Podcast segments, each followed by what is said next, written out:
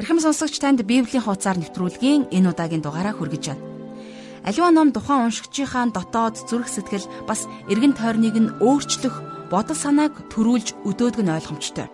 А бас тэгээд зарим номнууд амьдралын гэрэл гэгээтэй гайхалтай түүхүүдийг өгүүлснээрээ бидэнд урам зориг төрүүлдэг шүү дээ. Харин Библи бол насан туршдаа уншсаар байдаг гайхамшигтай гэж хэлж болох ном. Энэ ном хувь хүний зүрх сэтгэл гэр бүлд за тэр үтгийг хэл нийгэм улс төрийн хүрээнд ч гэсэн өөрчлөлтийг авчрах шидтэй гэмээр ном. Тиймээс өнөөдрийн бидний хамтдаа судлах сэдв бол Библиэр өөрчлөгдсөн амьдрал. Бид мэрэгэн цэцэн үгтэй номыг уншаад зарим нэг үгийг нь амьдралынхаа мөрдлөг болгодог ч гэсэн тэр нь бидний амьдралын бүхий л хэсэгт тус болдог гэвэл хараахан тийм биш. Харин Библи бол бүхлээрээ Бурхны үгийн дагуу амьдрснараа амар тайван ивэл дүүрэн амжилттай байж харин бурхны үгийн эсрэг дэрсэлснээрээ хүнд хэцүү нөхцөлд өөрөө бас гэр бүл нь өртдөг тухай гардаг. Өөрөөр хэлбэл сайн бас муу түүхээр дүүрэн ном юм. Ингээд өнөөдрийн Библийн хуудасаар цурал хичээлээ эхлүүлээд хамтдаа залбирая. Бүтээж өөрчлөн шинчилдэг бурхан минь бид танд бүх зүйлийн төлөө талархаж байна. Өнөөдөр өөрчлөхийг хүссэн зүрх сэтгэл, ам амьдрал, бас оюун бодол хүн болгонд байна. Та бидний амьдралыг ямар байвал утга учиртай байхыг мэднэ. Тийм учраас өнөөдрийн хичээлээр дамжуулаад Бурхны үгийн дагуу яаж өөрчлөгдөх боломжтой, яаж өөрчлөгдөх шаардлагатайг та бидэнд хэлж өгөөч. Амен. Ингээд жаргал агшихаа ярианд анхаарлаа хандуулъя.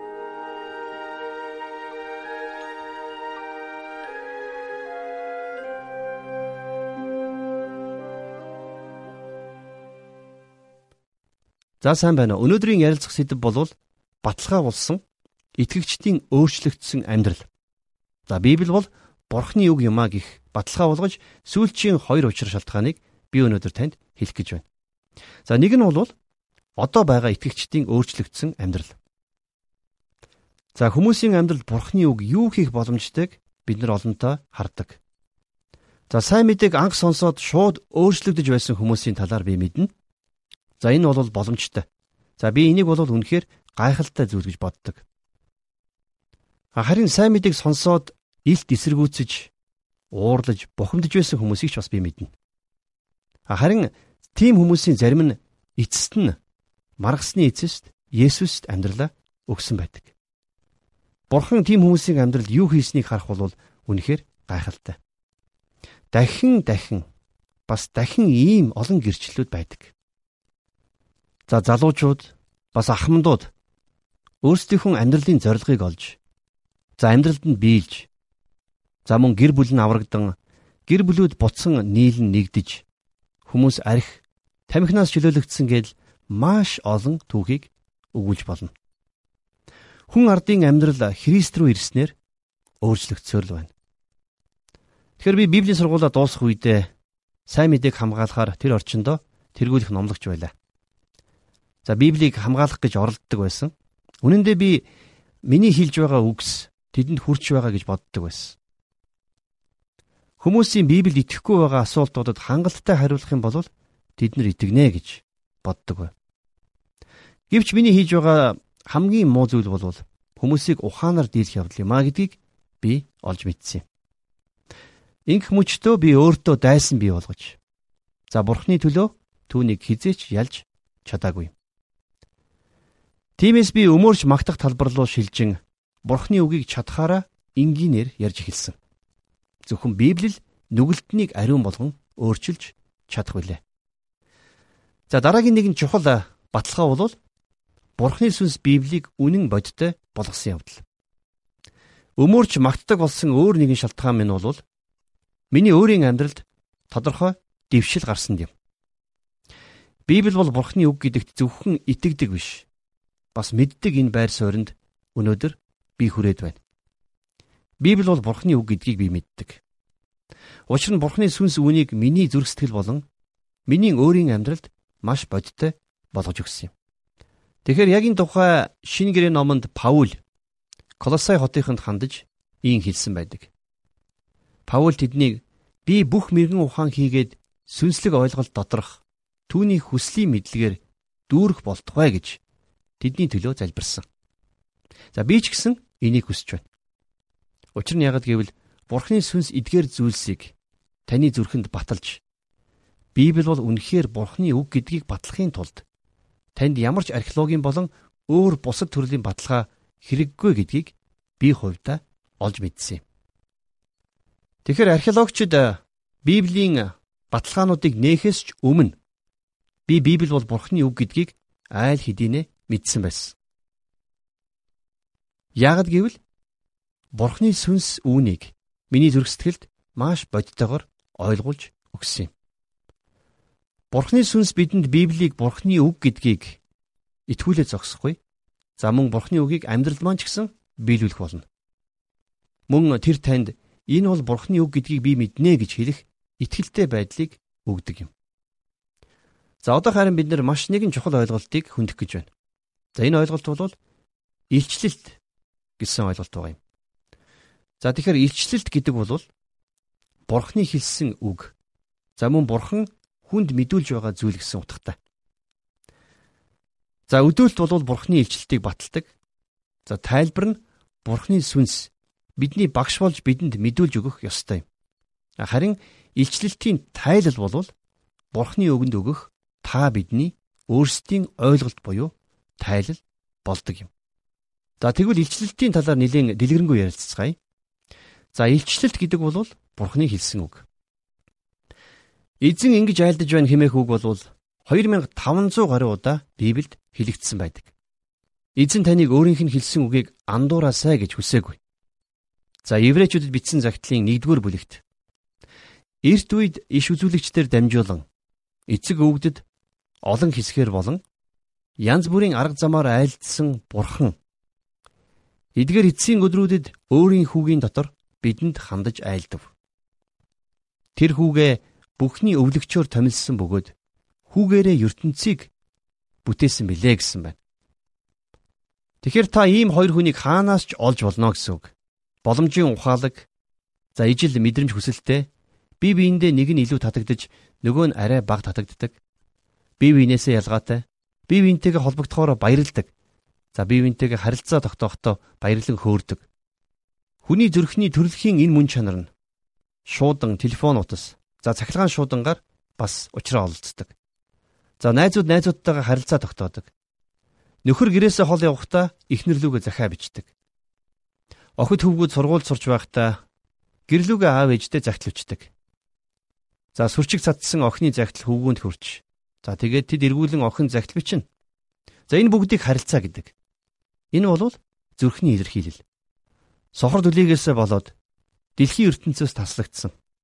Тэгэд ямар ч харилцаа холбоо байхгүй байж байгаад арга зам олдон бусадтай харилцаа тогтоож чадсан. За магадгүй харж сонсож чаддаг биднээс ч илүү сайн харилцдаг байсан Хелен Келлерийн илтгэлийг уншаад за миний сэтгэл маш их хөдөлж байсныг санаж байна. Одоо энэ бүгд дээр үндэслэн би танаас боломжийн тодорхой нэгэн ухаалаг асуултыг асуумаар байна. Бурхан өөрийн бүтээлүүдэд тодорхой хэмжээний оюун ухааныг өгөөд Түүнийг өөрийн дүр төрхөөр бүтээгээд тэдэнтэй харилцаа холбоо тогтоосон гэсэн дүгнэлт гаргах боломжгүй гэж юу? Хэрвээ та бидэнд бурхнаас илчлэлт байгаагүй бол яг одоо та бид нар зүгээр л тэр бидэнтэй ярина хэмээн хүлээх байсан гэж би бодож байна. А яагад гэвэл бид бурхан бидэнтэй ярина гэж найдаж болох юм. Хуучин гэрээн дэх бурхан зүнчтөр дамжуулан ярьсан. Харин одоо тэр Христээр дамжуулан ярьж байна хэмээн еврейчүүдэд загтал бичсэн хүн хэлснийг та анзаарсан байх. Хуучин гэрээн дэх иш үзүүлэгчдийн илчлэлт, шинэ гэрээн дэх Христийн илчлэлт хоёулаа Бурхны үгэнд байдаг. Мэдээж тэр бол ямар ч хүнтэй харилцаа тогтооход бидний мэдэж болох цорын ганц зам юм. Библи 66 номтой. Бурхан ном нэг бүрээр дамжуулан хүмүүн төрлөختөн бидэнтэй ярьдаг. Нэгэн хүн энэ талаар бичгтээ энэ ном бурхны бодол санаа хүний байдал, авралын зам, нүгэлтнүүдийн хувь тавилан, итгэгчдийн ад жаргалыг багтаасан байдаг. Библийн сургаалууд нь ариун, дүрм журмыг нь заавал биелүүлэхээр бас түүхүүд нь үнэн, шийдвэрүүд нь хувиршгүй. Ухаажахын тулд үүнийг унш. Аюулгүй байхын тулд үүнд итэг. Ариун байхын тулд үүнийг хэрэгжүүл. Энэ ном нь таныг чиглүүлэх гэрэл, таныг цатгах хоол, таныг тайтгаруулах амар тайван байдаг. Энэ ном болвол аялагчийн газрын зураг, бадарчингийн таяг, нисэгчийн луужин, цэрэг хүний сэлэм, мөн Христ итгэгч хүний зан чанар юм. Энд диважин шинчлэгдэн мөнхийн улсын хаалга нээгдэж тамийн хаалганууд хаагддаг. Христ бол үүний гол зорилго нь. Бидний сайн сайхан нь үүний загвар. Бурхны алдар үүний үр дүн юм. Энэ ном дурсамжийг дүүргэн зүрхийг захирч хөлийг удирддаг. Үүнийг удаанаар тогтмол залбиралтайгаар унш. Энэ ном амьдралтад нь өгөгдөж шүүлтийн өдөр нээгдэн үрд дурсагдах болно. Энэ ном хамгийн өндөр үүрэг хариуцлагыг багтаадаг бөгөөд хамгийн агуу хүчийг өгдөг. Энэ номын ариун мөн чанараар тухуурхагч хүн шийтгэл хүртэх болно гэсэн нь маш оновчтой үгсээр дүүрэн тодорхойлт юм. За энэ бүхэн болвол бидний дотор өөрийн ажлыг эхэлж байгаа хэрэг бөгөөд нэг үгээр хэлэх юм бол биднийг өдөөж байгаа юм. Энэ бидэнд хоёр дахь агуу зорилго болох өдөөлтийг авчирдаг. За би хувьдаа Библи болвол бидний амьдралд бүрэн дүүрэн илэрхийлэгдсэн өдөөлт юмаа гэдэгт итгэдэг. За энэ нь Библи бол нөлөөтэй нотлохоо юмаа гэсэн утгыг илэрхийлдэг. За үүний үг бүр нь бидний амьдралд бидэнд зориулсан Бурхны үг юмаа гэсэн утгыг бас давхар илэрхийлж байдаг. Өдөөлт нь Бурхны илчлэлтийг баталдаг. Библи яг үүнийг хэлдэг. За сүүлийн загтлаа Тимотед бичиж байгаа Паул. За мөн сүүлийн загтлаа бичиж байгаа Петр хоёр Библийн талаар маш тодорхой хэлсэн байна. За тухайлах юм бол 2 дугаар Тимотийн загтал дээр судар бүр бурхны амьсгалснаар байгаа бөгөөд заахад, зэмлэхэд, залруулахад зөвхт байдал дотор чиглүүлэхэд тустай. Энэ нь бурхны хүн альва сайн үйлд бүрэн бэлтгэгдсэн байхын тулд юм а гэсэн байна. Тэгэхээр судар болгон өдөөлтөөр өгөгдсөн гэсэн хэсгийг харцгаая. За өдөөлт гэдэг нь бурхан амьсгалсан гэсэн утгыг илэрхийлдэг.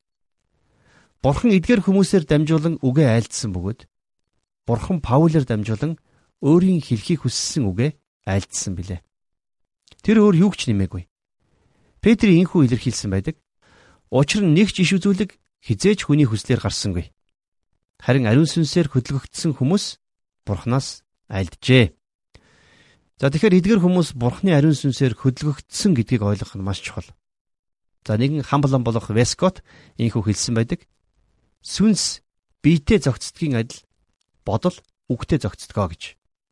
Харин доктор Кайпер ийхүү хэлж та үггүй бодол шиг ноодгүй хөгжим тоогүй математикийг амархан олж чадна. За энэ бол өдөөгдсөн бодлууд биш. Энэ бол өдөөгдсөн үгс юм. Нэгэн алдартай багшаас дууны хичээл заалгасан нэгэн охины тухай жаахан хачин түүх байдаг. Багш нь тэрний тоглолтод ирсэн.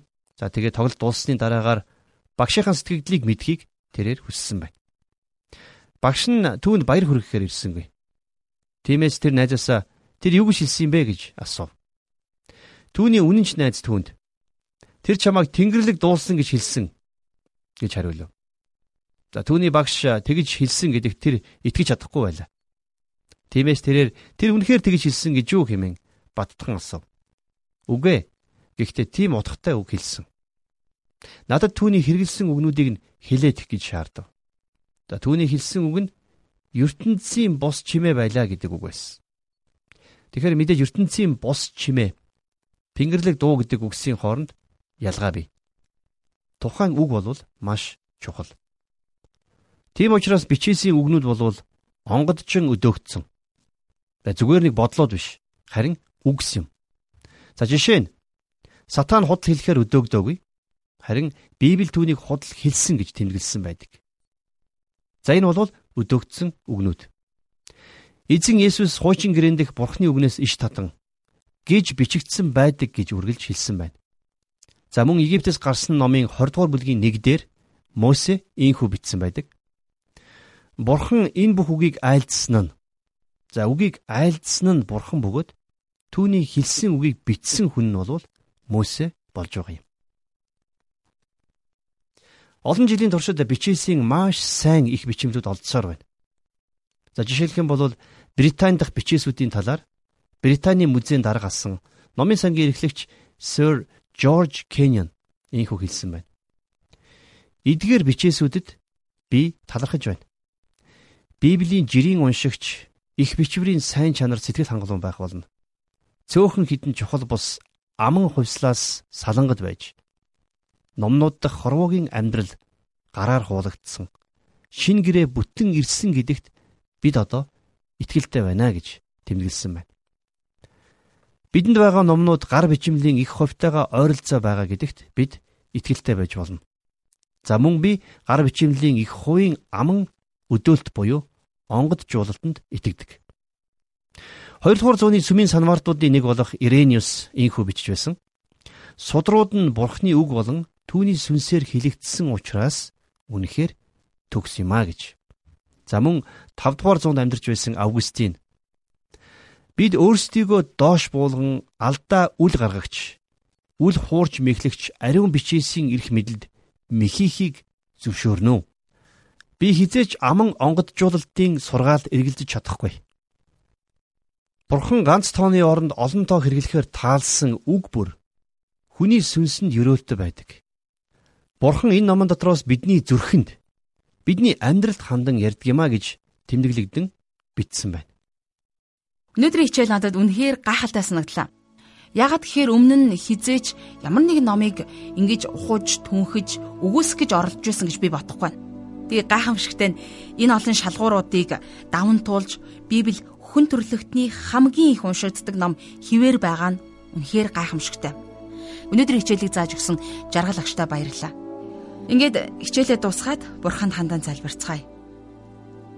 Бурхан минь бидэнд өөрийн үгийг хэлж өгсөнд баярлалаа. Таны үгийг уншиж дахин дахин харах боломжтойдоо би талархаж байна. Та түүхийн энэ их урт үед өөрийн үгээрээ дамжуулан хүн төрлөختнийг удирдах, өөрчилж байсанд бид үнэхээр талархаж байна. Дараагийн хичээл хүртэл биднийг ивэж бас хамгаалж өгөөрэй. Амен.